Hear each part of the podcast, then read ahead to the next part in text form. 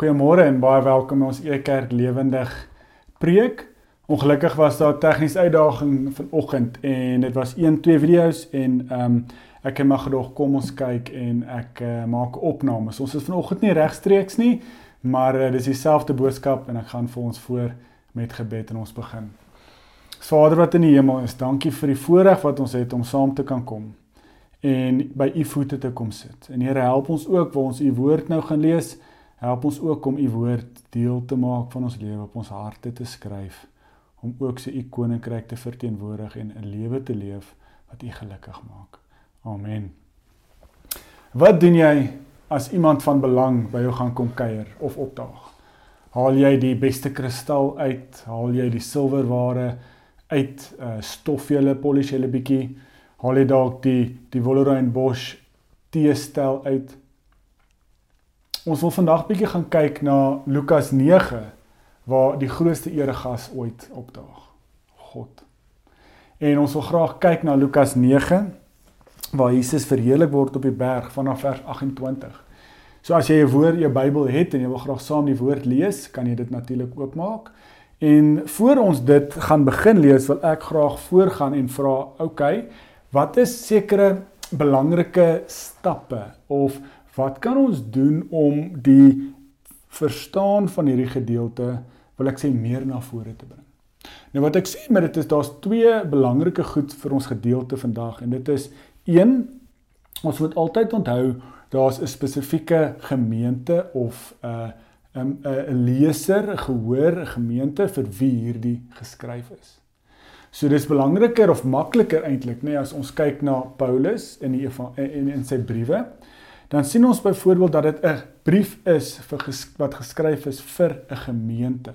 So dis 'n spesifieke gemeente en hulle lees dit voor of gaan dra dit voor in die gemeente. Maar so is die evangelies se se doel genre is een om die evangelie of die goeie nuus van Jesus te verkondig. So dit vertel die geboorte, bediening, lewe, dood van Jesus. Maar dit was tog ook bedoel vir 'n spesifieke gehoor. Dit is belangrik. So dit is dalk nie vir 'n spesifieke gemeente in 'n geografiese area nie, maar dit is bedoel om voorgeles te word in 'n gemeente, in 'n geloofsgemeenskap. Nou, saam met dit is nommer 2, die konteks van hierdie gemeente of gemeenskap gehoor baie belangrik. So as ons na Lukas kyk, dan is die gehoor of die lesers of die hoorders eerder, nê, nee, eerste hoorders, 'n godvreesende Jode. Maar hulle dit was hulle verlede. En hulle het tot ek wil sê tot geloof gekom of begin glo dat Jesus die Christus is. En hulle glo en verkondig dat Jesus die Christus is, die opgestane Here. So hulle is Christene. Die woord Christen was natuurlik nou nog nie gebruik in daai jare nie, maar hulle was mense wat die leer van Jesus Christus aange uh, gevolg het. En dis byvoorbeeld as ons na Handelinge kyk, dan sien ons presies hoe dit werk, nê, nee? dat hierdie apostels gaan verkondig hierdie evangelie, die Lukas evangelie byvoorbeeld, Jesus Christus en dan kom hulle tot geloof. Dan word hulle Christene, volgelinge van Christus. Nou dit is belangrik want elkeen van ons, ek en jy het uh, kom ons noem dit 'n godsdienstige geheue. So godsdienstige geheue is dalk 'n beter beskrywing as ons dit koppel met as jou spiere het muscle memory, jou spiere het geheue. So as jy vir lank genoeg iets gedoen het, kan jou brein dit amper op 'n manier outomaties doen. Jou spiere kan dit gemakliker en op 'n manier relatief outomaties doen. 'n Voorbeeld is byvoorbeeld of 'n voorbeeld is um toe ons leer fiets ry, trapfiets. Dit was aanvanklik baie lank en was frustrerend en ons het dalk geval. Maar naderhand het ons so goed fiets gery en ons het as kinders baie dalk fiets gery. En as jy 'n paar jaar later, met ander woorde jy hou op fietsry vir 'n paar jaar, gaan jy nog steeds kan fietsry. Jy gaan ook nie so aan die begin die heel eerste keer so goed ry nie. Maar jy gaan gewoond raak of jy gaan die spiere, jou brein gaan daai geheue opbring en jy gaan kan relatief maklik fietsry. Soos dit met 'n motorbestuur ook. Ons het aanvanklik baie gesukkel toe ons geleer het dalk en nou kan ons baie goed ry. So as ons nou bestuur, is dit eintlik die tye waar ons baie keer aan ander goeders dink, want jou spiere, jou liggaam, jou brein so gewoond om hierdie te doen dat hy gaan op amper op 'n manier op autopilot. En jou liggaam, jou brein kan iets anderster aan dink en doen. En so het jou spiere geheue. So het jou brein ook hoe meer jy dinge doen, hoe meer word daai pad in jou brein gebruik hoe makliker kan jy dit oproep, herroep. Nou ek noem dit want ons godsdienstige lewe, ons godsdienst, ons geloof het ook 'n godsdienstige geheue. Ek en jy het. Die jou eerste godservaring het beïnvloed hoe jy God sien, hoe jy jou geloof uitleef. Die gemeente waarbinne jy dalk groot geword het, die stories wat jy gehoor het, of jy huisgodsdiens gehou het of nie, dit alles het deel gemaak van jou geloof, van jou verhaal as Christen. Nou dit is ons belangrik want as jy die eerste leser, is eerste hoorder is van hierdie gedeelte, En dit is 'n gemeente wat Godvreesende Jode was. Hulle was Jode. Dan het hulle vir jare lank hierdie verhale vertel, die stories vertel van God wat hulle uit Egipte uit bevry het, God wat hulle gekies het as volk en die beloftes wat God met hulle gemaak het en dan het hulle klomp feeste ook byvoorbeeld ingebring in hulle godsdiens in om hierdie te herdenk. So al hierdie het as klein kind al gebeur en jy's ingeoefen, ingeleer in dit in. Nou dit is belangrik vir ons gedeelte vandag want daar is verskeie goeters wat ons gaan raak lees wat hierdie geheue gaan oproep en ons daaraan gaan moet laat dink. En ek wil graag vandag soos ons lees daai opbring om die teks ek wil ek sê bietjie meer op te lig en volkleur te laat lees. So as ons begin by die teks, moet ons ook onthou, dalk die derde ding, laaste ding, Lukas is natuurlik gelees die evangelie van hoofstuk 1 tot die einde. Was nog nie hoofstukke nie, maar jy het begin aan die begin en dan lees jy dit soos 'n verhaal, 'n ware verhaal, nê. So jy lees in die evangelie van Jesus se geboorte en hoe Maria swanger geword het deur die Heilige Gees wat om haar gekom het. So lees jy van die rol van Johannes die Doper byvoorbeeld en Jesus uh of Johannes die Doper wat Jesus se voorganger is. So lees ons van ehm um, Jesus wat versoek is deur die duiwel. So lees ons byvoorbeeld ehm um, waar Jesus aardse bediening begin in Lukas 4 vers 14. So lees ons waar hy ehm um, sy eerste disippels roep. En dan is hy, ek wil sê sy eerste fase van sy aardse bediening. In Lukas 4 is hy rondom en in Galilea waar hy preek, baie kragtige woorde preek, waar hy wonders doen ehm um, wonderwerke doen en dan natuurlik waar hy tot, tot by Lukas 9 vers 51 sy tweede deel van sy evangelie of sy reis doen waar hy reis na Jerusalem toe. Nou dit is vir ons belangrik want nou kom ons op die einde van sy Galilea se bediening en ons lees in vers 18 van Lukas 9 die belangrike belydenis van Petrus.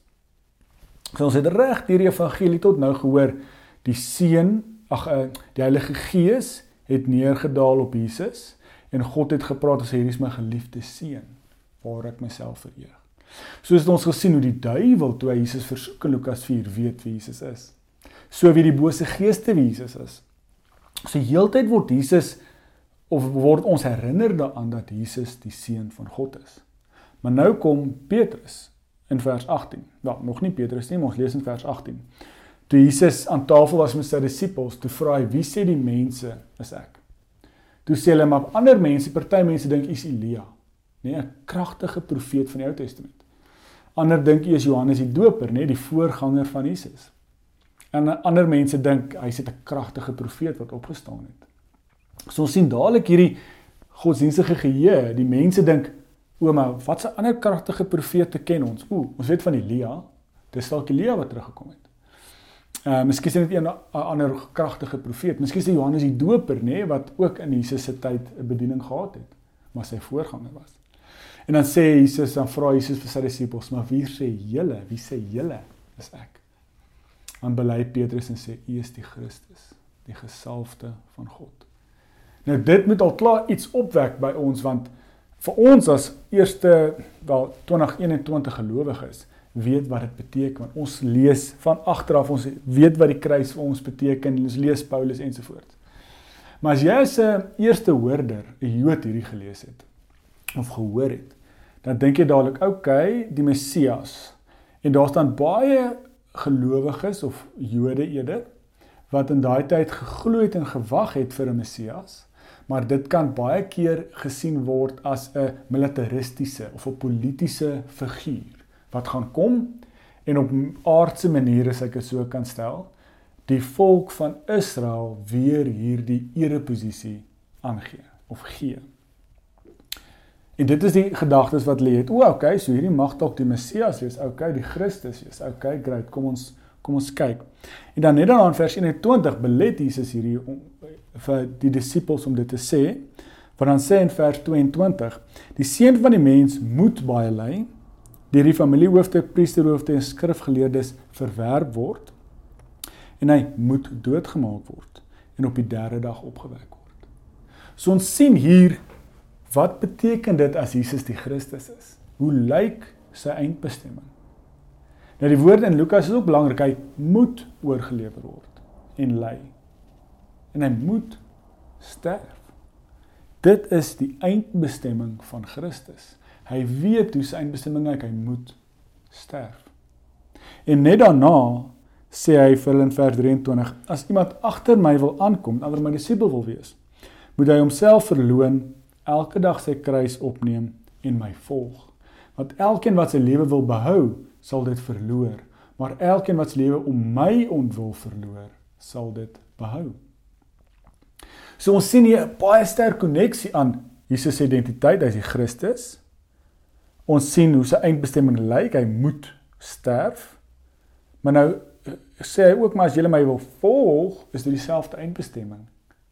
So disipelskap vir Lukas, daar's 'n hoë eis aan disipelskap. En ons gaan dit later lees of ons gaan dit verskeie plekke nog lees in Lukas.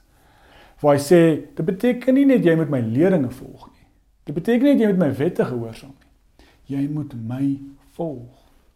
En nou die woorde wat hy gebruik is, ek wil sê wreed, maar is mooi om te sê as jy jou lewe wil behou, as jy jou aardse lewe wil behou, gaan jy dit verloor. Want Jesus is die eindbestemming, die die kruisdood gee vir ons 'n nuwe identiteit. Ons kan nou 'n geestelike lewe, nuwe mens wees. So as jy jou lewe wil opgee, anderswoorde jou lewe heeltemal weggee vir God, dan kry jy 'n nuwe identiteit as Christen. Sal jou lewe behou, sal jy 'n ewige lewe kry, 'n beter lewe kry. So dis die inleiding, né? Dis belangrik. Want nou kom ons in vers 28.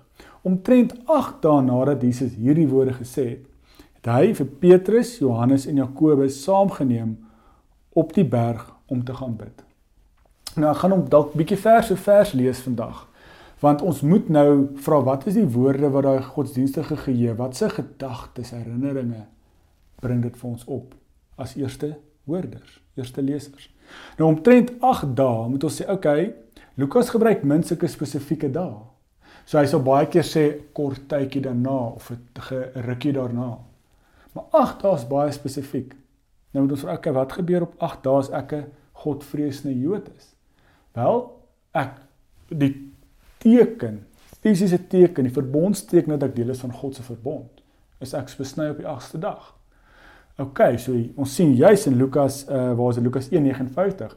Beide Jesus en Johannes is besnou op die agste dag. So dis hierdie teken van ek is deel van God se volk.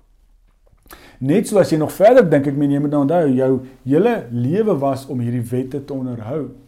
En ons lees in Levitikus 14 vers 10 dat indien jy onrein is, 'n malaatses byvoorbeeld gebruik hulle daar, en jy's rein verklaar, maar is genees, dan moet jy 8 dae wag voordat jy rein is om in die tempel 'n offer te gaan bring van dankie sê. So dis ook die wil ek sê die reinigingstydperk, 8 dae. So nadat Jesus of Petrus bely hy is die Christus en ons weet hoe sy eindbestemming lyk, sien ons nou 8 dae daarna gaan hulle op met die berg. Interessant, nê? Nee. So nou gaan hulle op in die berg weer eens. Wat wat wat wat, wat beteken die berg vir ons? Ons weet dis 'n plek waar Jesus baie keer gaan bid, nê? Nee? Lukas 16 6 byvoorbeeld. 6:13. Maar ook so dink aan jou godsdienstige geheue. Dit is waar Jesus, ag waar God homself openbaar aan Moses. Dit is die berg waar God vir Moses hierdie gebooie gee die berg van Sinai. OK, dis interessant. Dan gaan ons verder vers 29. Terwyl hy bid, het die voorkoms van sy gesig anders geword. Sy klere het skitterend wit geword. So, ons het nou net gehoor van 'n berg Moses en nou verander Jesus se voorkoms van sy gesig. Wie se ander gesig se voorkoms se voorkoms van sy gesig het verander gekoppel aan 'n berg. Moses toe byvoorbeeld afkom van die berg en hy was in God se teenwoordigheid. Nee, dit is sterk koppeling aan die berg, Moses, rein, onrein. Maar ook so kan ons verder gaan en sê in Lukas 3 vers 22 lees ons ook dit raak waar die Heilige Gees in sigbare voorkoms neerdaal op Jesus. Net so kan ons nog een stapie verder gaan en sê, "Oké, okay, in Eksodus 26 gee God vir Moses die opdrag om te sê, maar jy moet die voorkoms van die tabernakel bou volgens die plan wat ek jou gee." So die voorkoms word daardeur God bepaal, hoe moet die tabernakel lyk? Die Heilige Gees kom in sigbare voorkoms. Jesus se voorkoms verander, net soos Moses se gesig verander het, as ek dit so kan stel ehm um, toe hy afkom van die berg af. Dan lees ons vers 30. Skielik was daar twee manne wat met hom praat. Dit was Moses en Elia. Hulle het in hemelse glans verskyn en met hom gepraat oor sy uittog wat hy in Jerusalem sou voltooi. So ek het nou die broodkrummels vir ons probeer gooi om ons te begelei in die rigting, maar nou sien ons die teks doen dit. Want wie verskyn nie beskiklik daar? Moses en Elia. So ons het nou klomp kere hierdie herinneringe gehad van Moses op die berg, maar nou verskyn Moses hier. So Moses verteenwoordig natuurlik nou die wet. Hy is die een wat die ehm um, God het deur hom en die volk gewerk. Hy is die een wat deur God geroep is, uitverkies is om die volk uit Egipte uit te bevry, groot eksodus na die beloofde land toe. Maar so lees ons van Elia ook. Nou ons het nou nou net gelees dat die mense dink Jesus mag dalk Elia wees. Maar nou verskyn Elia. So Jesus is nie Elia nie, nê. Maar dan moet ons vra kom maar Elia, okay, hy's 'n profeet, hy's 'n kragtige profeet. Maar nou lees ons 'n belangrike koneksie. Elia het in 1 Konings 19 vers 1 tot 18 op dieselfde berg, berg hierop, wat dieselfde naam is vir die Sinai berg waar Moses die wet ontvang het. Lees ons hoe God vir Elia versorg op die Here op die berg. So hier kom Moses wat die wet ontvang het op die berg, die volk uitgelei het deur uit Egipte na die beloofde land toe. Ons sien Elia wat 'n kragtige profeet is wat ook deur God uitgekies is om sy volk in die regte rigting te heroriënteer en hoe God vir hom versorg het op die berg. En nou sien ons waaroor praat hulle. Ehm um, hulle het gepraat oor sy uittog wat Jesus in Jerusalem sou voltooi. Uittog, maar dit klink soos die uittog uit Egipte uit na die beloofde land toe. So daai was uittog 1.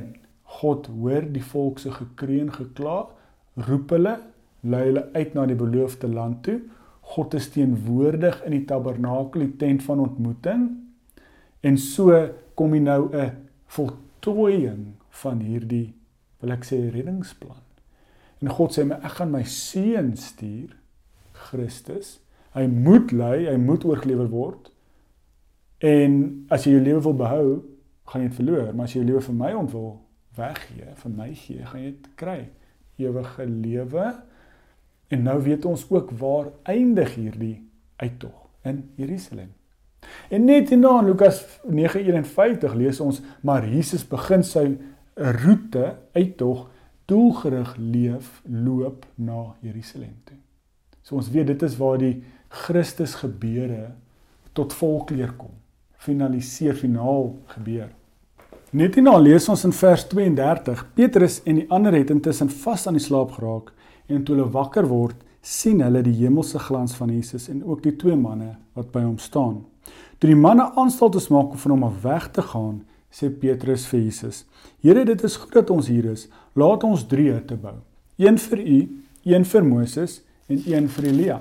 Hy het nie geweet wat hy sê nie.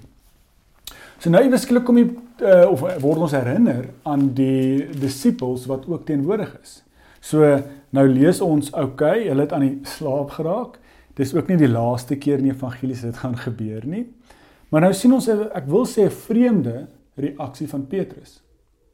Want ons sal dink ek is 'n tipiese visserman, hoekom wil hy drie hutte, skuilings vir hulle bou? Maar nou moet ons dit verder gaan met al hierdie godsdienstige herinneringe wat vir ons gebruik is, nê, nee? wat goed moet opbring. Is die woord verskuiling, die hutte, die tente wat hy wil maak. Dieselfde as in Eksodus 40 vers 34. Dieselfde tent wat hulle die afmetings, die voorkoms moes kry by God. Dis dieselfde tent van ontmoeting tabernakel waardeur God teenwoordig was met die uittog. En nou sê Petrus, ek wil 3 tente bou. Ek wil 3 tente van ontmoetings oprig vir Moses, vir Elia en vir Jesus. En hy het nou net bely dat hy Jesus die Christus is. So ek wil se verg om te sê Petrus sê hier God het opgedaag want ek wil 'n tent bou, 'n tent van ontmoeting bou vir die drie mense. En ons moet dit ook onthou as ons nou die godsdienstige herinneringe het, nê? Nee? Dan is 'n klomp profetiese redes, uh wil ek sê 'n hoop dat die Jode gehad het dat eendag sal God weer aarde toe kom en daar sal 'n tent van ontmoeting gemaak word waar binne God teenwoordig kan wees. Of daar sal weer die tempel sal weer herbou word want dit is waar God teenwoordig is. So miskien is dit die godsdienstige geheue waaruit Petrus optree om net reaksionêr te wees en te sê maar God is hier. Hy kort 'n tent van ontmoeting. Maar die mooi ding is die volgende woorde. Nou lees ons in vers 34. Terwyl hy nog praat, kom daar 'n wolk en gee sy skare weer oor hulle. En toe die wolk hulle insluit, het die disippels bang geword. Daar kom toe 'n stem uit die wolk wat sê: "Dit is my seun wat ek uitverkies het. Luister na hom." So hy wil 'n tent van ontmoeting bou soos Eksodus 40, dieselfde tipe wolk wat hom binne gebring het, omsingel het, binne gegaan het vir God se teenwoordigheid. Nou kom daar 'n wolk en hulle hy omsingel die disippels Moses, Elia en Jesus ook. So God het opgedaag. God is teenwoordig. Maar wat sê God? Nie soos by Jesus se doop, hierdie is my geliefde seun waar ek myself verheug nie. Nee, wat sê hy? Hierdie is die seun van God of dit is die een wat ek uitverkies het. Dis my seun wat ek uitverkies het. Luister nou.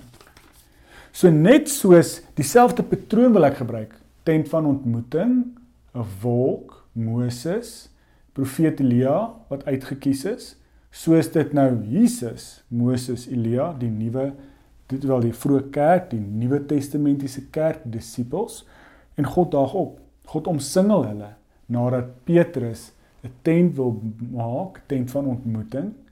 God daag op en sê: "Hier is my geliefde seun.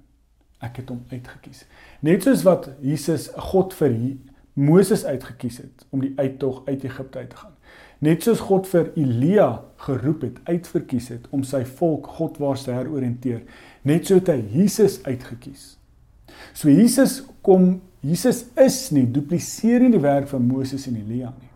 Maar Jesus kom vervul, kom voltooi die werk wat God al reeds by Moses begin het, Elia aangehou het en wat Jesus nou finaal beëindig. Sy kruisdood is die uiteinde van God se reddingsplan. So ja, God gaan natuurlik weer kom en die finale oordeel gaan kom, maar deur die feit dat Jesus uitgekies is, dat God sy seun aarde gestuur het dat Jesus gehoorsaam was aan die roeping en dat hy homself doodloop aan die kruis, maak dat ek en jy ons lewe behou. 'n Christelike lewe, 'n ewige lewe by God kan behou. Nou die mooi woorde hier is net soos wat die wolk uh hulle omsingel het. Net so is dit ook God wat 'n plek omsingel binne gaan. Envelop is Engelse woord in Eksodus 40 waar hy in die tabernakel of om die tabernakel in die tent van ontmoeting kom. So God is teenwoordig. Sy woning was op 'n tyd 'n tent.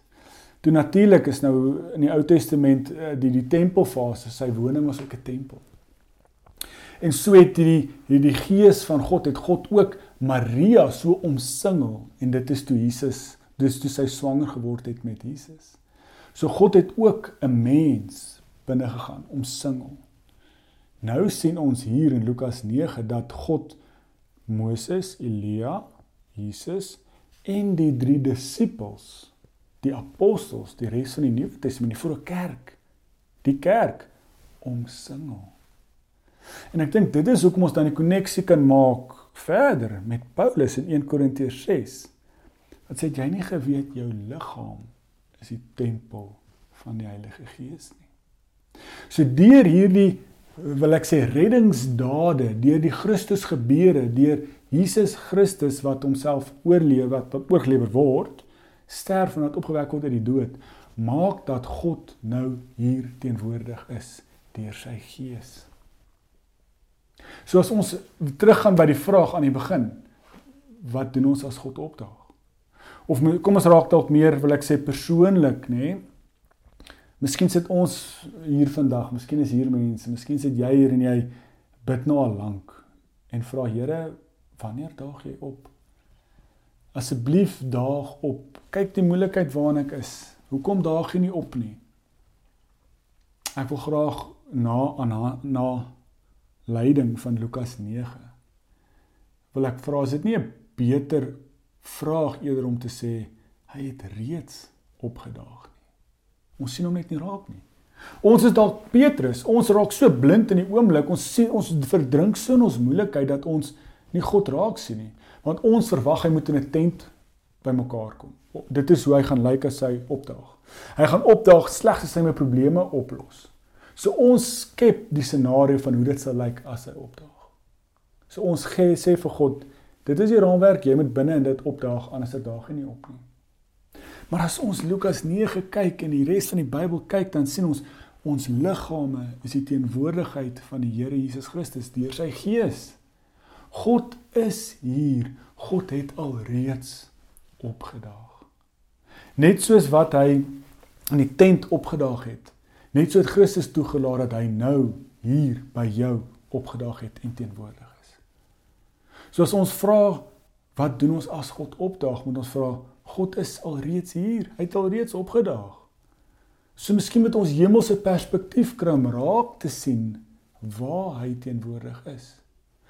Miskien moet ons dit omdraai en sê deur wat Jesus kom doen het, het ons toegang tot die nuwe realiteit, die koninkryk van God.